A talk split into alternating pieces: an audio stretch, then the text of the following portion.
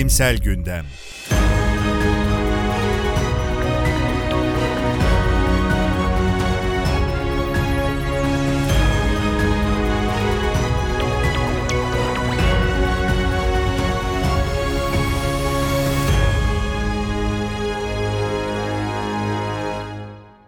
Abdi İbrahim'in hazırladığı Bilimsel Gündem'in 31. sayısına hoş geldiniz.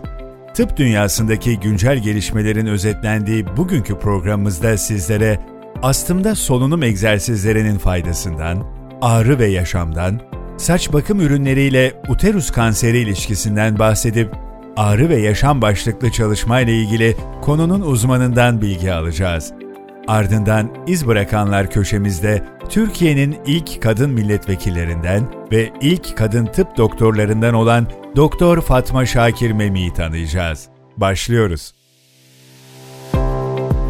İlk haberimiz astımda solunum egzersizlerinin faydası.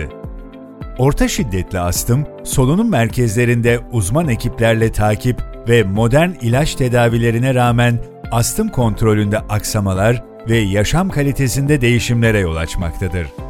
Kontrolsüz, orta şiddetli astımı olan hastalarda solunum egzersizlerinin destek tedavi olarak yaşam kalitesi üzerindeki etkinliğini araştıran bir çalışmada bir grup uzman bakımı ile beraber solunum egzersizi, diğer grupsa sadece uzman bakımı alacak şekilde toplam 193 hasta çalışmaya alındı. Uzman fizyoterapistler tarafından uygulanan solunum egzersizleri, nefes eğitimi, gevşeme teknikleri ve aktivite yöntemlerinin uygulanmasını içermektedir.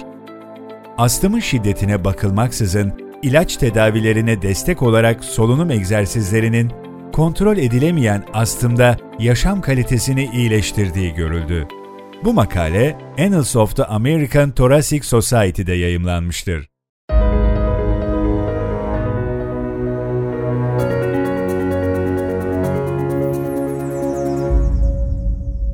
Araştırmacılar ağrının yaşam kalitemiz üzerindeki etkisiyle ilgili bir makale yayımladılar.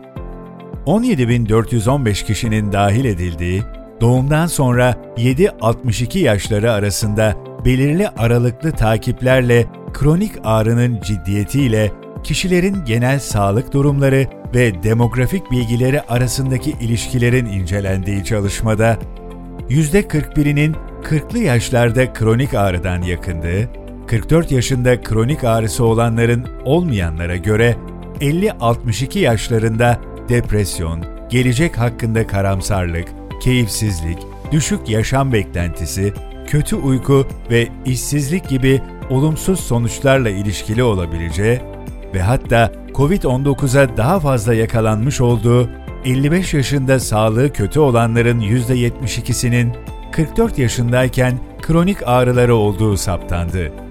Sonuç olarak kronik ağrının ciddiyetinin yaşam beklentisi de dahil olmak üzere sağlık ve iyilik halinin sürdürülmesi için önemli bir etken olduğu vurgulandı. Bu makale PLOS ONE'da yayımlanmıştır. Konuyla ilgili Seyrantepe Hamidiye Etfal Eğitim ve Araştırma Hastanesi Ortopedi ve Travmatoloji bölümünden doçent doktor Mehmet Ali Talmaç'ın görüşlerine yer vereceğiz. Benim de günlük pratiğimde sıkça karşılaştığım kronik ağrılı hastalar ve yaşam kalitesi konusunda bilgi vermeye çalışacağım. Kronik ağrı, sağlık kuruluşlarında tüm doktorların sıkça karşılaştığı ciddi bir sağlık problemidir. Sağlık sisteminde ciddi harcamalarda artışa neden olmakla beraber hastanın fonksiyonlarının bozulmasına, hayat kalitesinin düşmesine, iş verimliliğinin azalmasına neden olabilmektedir. Kronik ağrı ve psikiyatrik hastalığın birliklerini sıkça görmekteyiz. Son zamanlarda kronik ağrı ve depresyon üzerine ciddi çalışmalar yapılmaktadır. Blanchford ve arkadaşlarının yaptığı 17.415 kişinin dahil edildiği çalışmada kronik ağrının ciddiyetiyle kişilerin genel sağlık durumları ve demografik bilgileri arasındaki ilişkiyi incelediği çalışmada kronik ağrının ciddiyetinin yaşam beklentisi de dahil olmak üzere sağlık ve iyilik halini sürdürülmesi için önemli bir etken olduğu vurgulanmıştır. Bu nedenle kronik ağrı yaşayan ağrılı hasta yaklaşımında multidisipliner tanı ve tedavi yöntemleri uygulanmalıdır.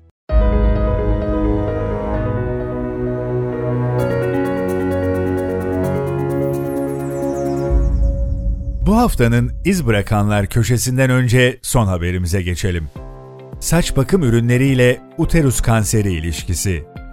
Amerika Birleşik Devletleri'nde yaşları 35-74 arası değişen 33.947 katılımcı arasında saç bakım ürünleriyle uterus kanseri arasındaki ilişkinin incelendiği çalışmada 10 yıllık takip sonrası saç düzleştirici ürün kullananların hiç kullanmayanlara göre artmış uterin kanser riskine sahip oldukları gösterildi. Kullanım sıklığı arttıkça riskin daha fazla olduğu gözlemlendi. Saç boyaları ve perma saç kullanımında ise artmış risk gözlemlenmedi. Artan uterin kanser insidansı ve saç bakım ürünü kullanımı göz önüne alınması gerektiği vurgulandı. Bu makale Journal of the National Cancer Institute'da yayımlanmıştır.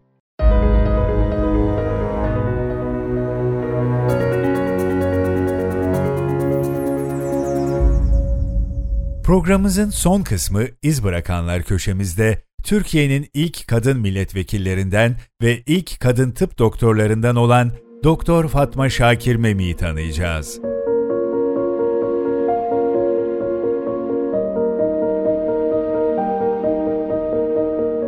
Merhaba, ben Fatma Şakir Memik. Türkiye Cumhuriyeti'nin ilk kadın hekimlerinden ve ilk kadın milletvekillerindenim. 1903 yılında Safranbolu'nun Akviran köyünde doğdum. Babam ekmekçi ve un tüccarı Şakir Bey, annem Cemile Hanım'dır. Safranbolu'da başladığım ilk öğrenimimi tamamlamadan ailemle birlikte İstanbul'a gelince Beyazıt İnaz yani Kızlar Numune Mektebi'ne devam ettim. Lise öğrenimini Bezmi Alem Valide Sultan Mektebi'nde yaptım. Cumhuriyetin ilan edildiği yıl İstanbul Darülfünunu Tıp Fakültesine kaydoldum. O sırada Haydarpaşa'da bulunan tıp fakültesi ilk kız öğrencileri bir önceki sene yani 1922'de kabul etmeye başladığından okula kaydolan ikinci kuşak kız öğrencilerdenim. 6 yıllık tıp eğitimini tamamlayıp 1929'da birincilikle mezun oldum ve bir yıllık stajımın ardından 22 Mart 1930 tarihinde tababet diploması aldım. İhtisas eğitimini tamamlayınca jüri karşısında verdiğim sınavda başarılı olarak Dahili Hastalıklar Şubesi'nde bir seririyatı müstakillen idare edebilecek iktidara haiz olduğum tasdik edilmiş ve birinci sınıf dahiliye mütehassısı ihtisas vesikası aldım. Hemen ardından Gureba Hastanesi'nde poliklinik şefi olarak çalışmaya başladım. Bezmi Alem Vakıf Gureba Hastanesi'nin ilk kadın hekimiyim. Kadınların toplum içinde yücelmesine ve saygınlığının artmasına büyük önem veren Atatürk, kadınlara seçme, seçilme hakkı verilmesinin ardından yapılacak ilk genel seçime katılacak olan kadın milletvekili adaylarını belirlerken çalışkan, başarılı ve mesleklerinde öncü olmalarına önem vermişti. Ben de ona göre bu özellikleri taşıdığım için Atatürk tarafından Edirne milletvekilliğine aday gösterildim. 8 Şubat 1935 genel seçiminde Edirne milletvekili olarak Türkiye Büyük Millet Meclisi'ne girdim.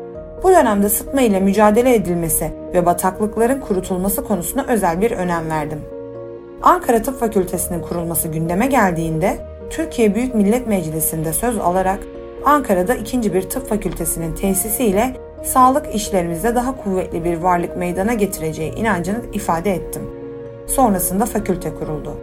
Milletvekilliğim sona erince iki sene Ankara Numune Hastanesi'nde çalıştım ve 1949'dan itibaren İstanbul'a yerleştim. Hayır işlerine önem verdim. 1931 yılından itibaren Topkapı Fukara Perver Cemiyeti İdare Heyeti üyeliği yaptım. 9 Şubat 1991 tarihinde 88 yaşında aranızdan ayrıldım. Bezmi Alem Vakıf Üniversitesi, Bezmi Alem Vakıf Gureba Hastanesi'nin ilk kadın hekimi olmamdan dolayı vefatından sonra adımı bir amfiye vererek kadir şinaslık yaptı.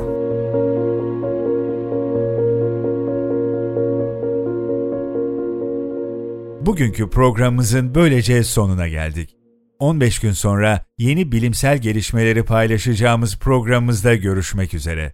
Bizleri Spotify, YouTube, Google Podcast ve Anchor resmi hesaplarımızdan takip edebilir, abone olarak yeni sayılar yayınlandığında bildirim alabilirsiniz.